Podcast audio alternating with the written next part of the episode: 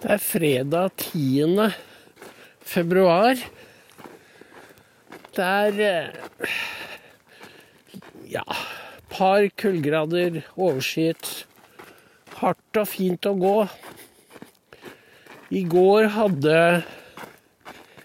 NRK en helt usedvanlig reportasje, eller et innslag. Det var om vold i barneskolen sikkert noen av dere som hørte det. Fordi det er så mye av det. Men lærerne er så fryktsomme at de tør ikke stå frem, ikke engang med egen stemme, anonymisert. Skuespillere leste opp deres uttalelser. Det var intervju da i gåseøynene med to stykker som fortalte om eh, slag og bitt, kasting av gjenstander, forsøk på å stikke dem med saks. Og dette var daglig. Og det Den slags er det jo ingen som tåler i noe særlig over tid. Så det fører jo til sykemeldinger og skifte av yrke. Og det da kan man jo bare spekulere. Hvem er det som blir igjen i skolen under sånne forhold? Hvilke områder er geografisk mest belastet? Men dette hører vi ikke noe om. Vi får være glad at NRK i det hele tatt tok det opp. Men det ble jo borte i resten av nyhetsgrauten. Og i dag var det da forhandlinger. Løsforhandlinger for lærerne, og da var det jo Det er jo Steffen Handal som er rød så det holder. Og de røde har satt seg på fagforeningene for lærere. Og de vil jo ikke at sosiale forhold skal komme opp. For de vil jo skade deres klienter. Disse barna er og deres foreldre er de rødes klienter.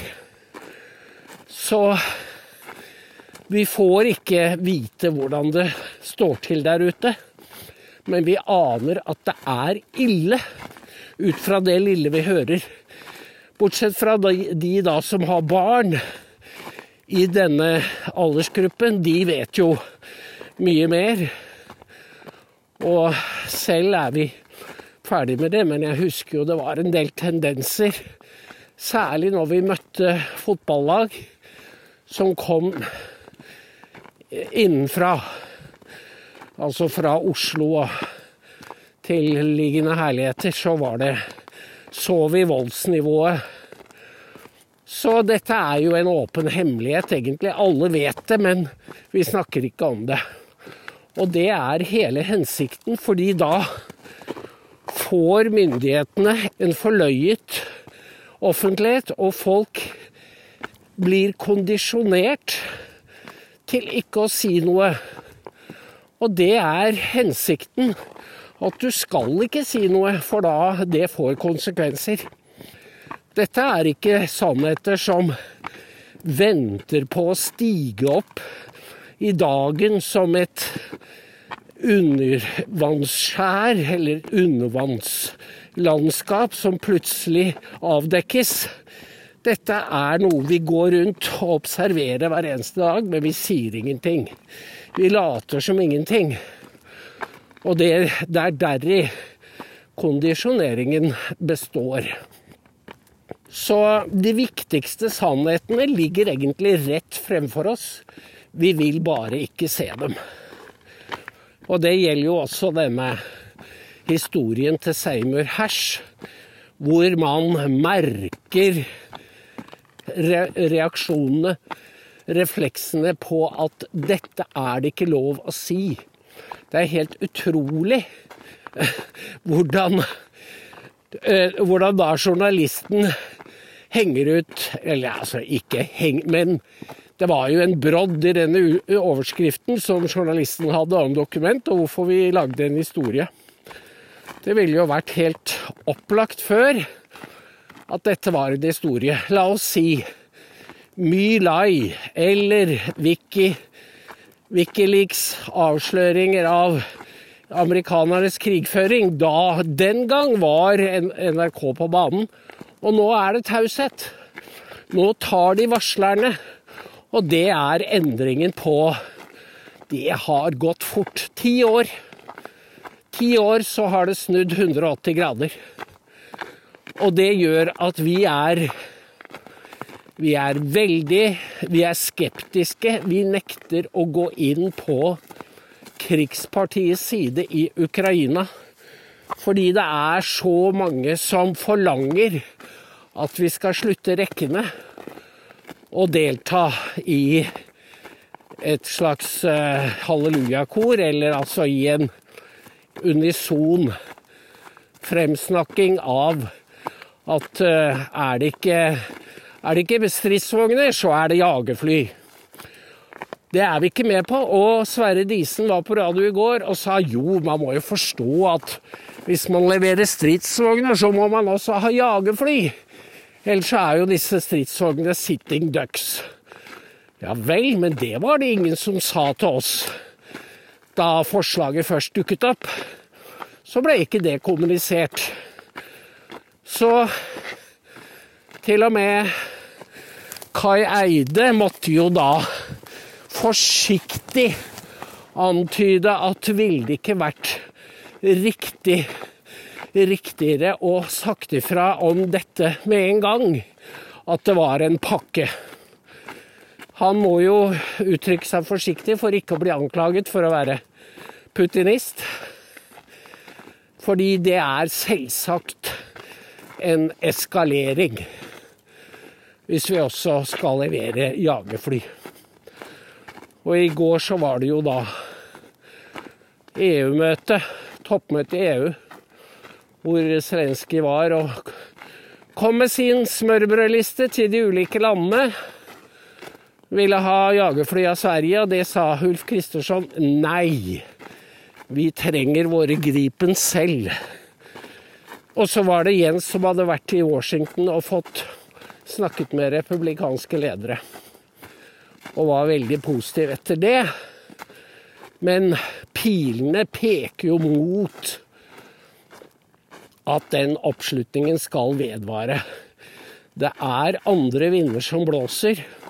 Og hvis det nå skulle vise seg at russerne har fremgang i øst, så spørs det Hvis Kiev kommer og sier nå må vi ha enda mer, nå må vi ha det nå så tror jeg det begynner å tære på innsatsviljen.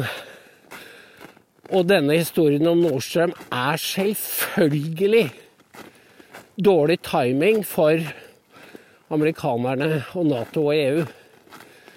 Det er også med på å tære på ikke så mye politikernes vilje, men opinionens sympati.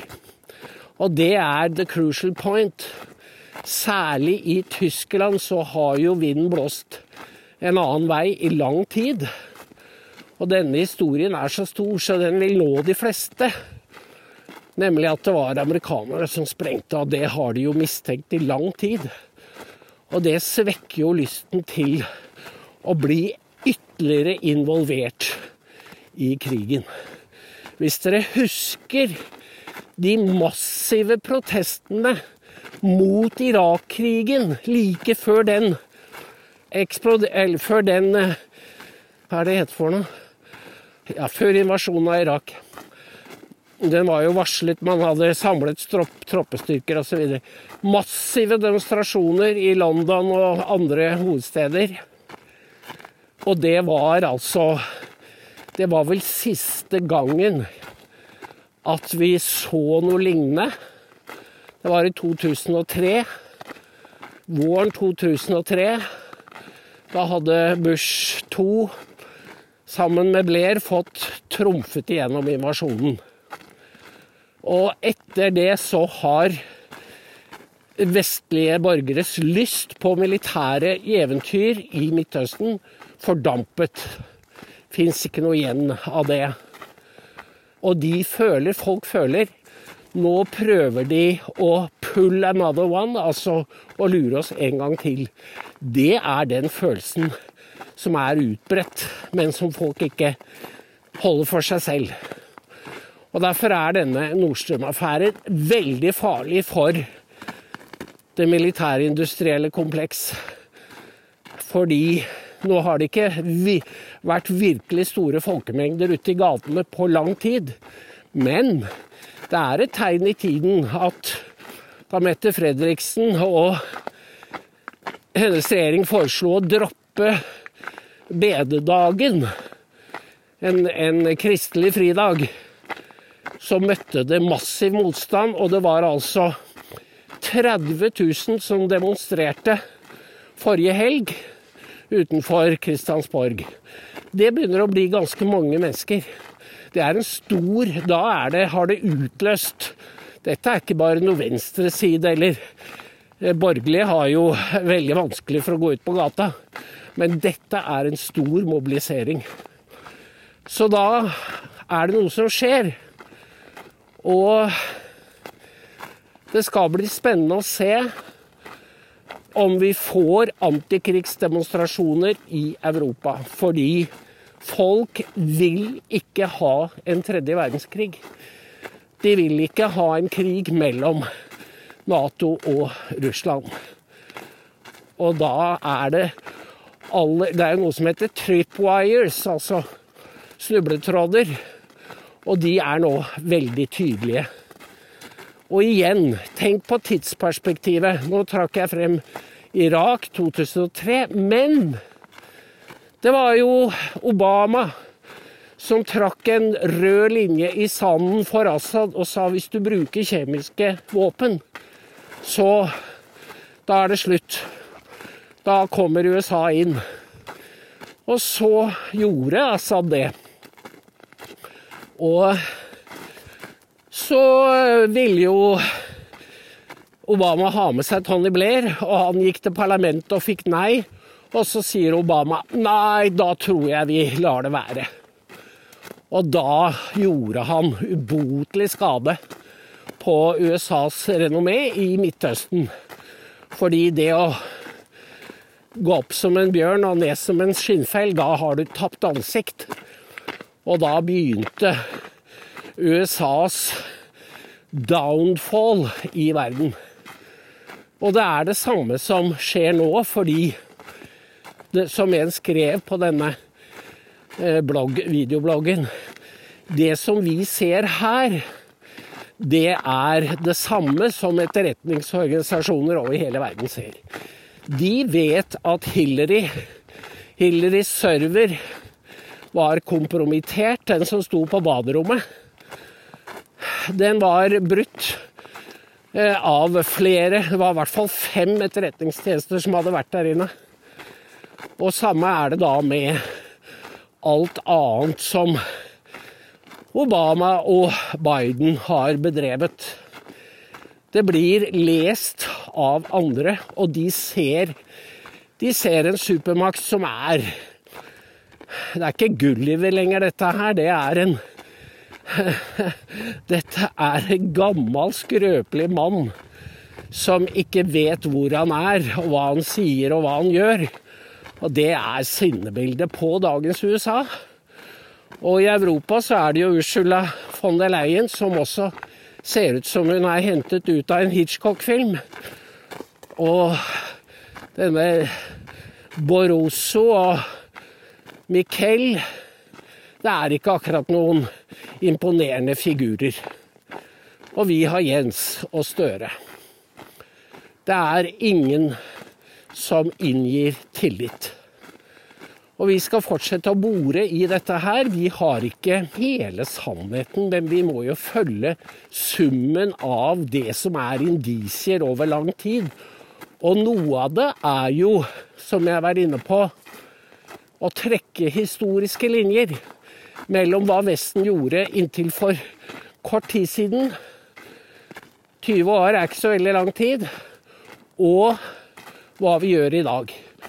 Men noe, den forklaringen mediene gir, er jo helt ikke-eksisterende. De har ingen forklaring på hva som har skjedd med Vesten. at vi er blitt så Før var vi villige til å bruke stor makt, men i dag så skjer det altså ved å bruke stedfortreder og hemmelige operasjoner. Og sannsynligvis er Norge på en eller annen måte involvert. Da sier jeg bare takk fra Hanne, og jeg tror dere har gitt veldig bra med VIPS den, i hvert fall noen av dagene denne uken. Og fortsatt så er det 13629. Og så er det meningen at Alf og jeg skal i studio i kveld. Vi får se. Takk for nå.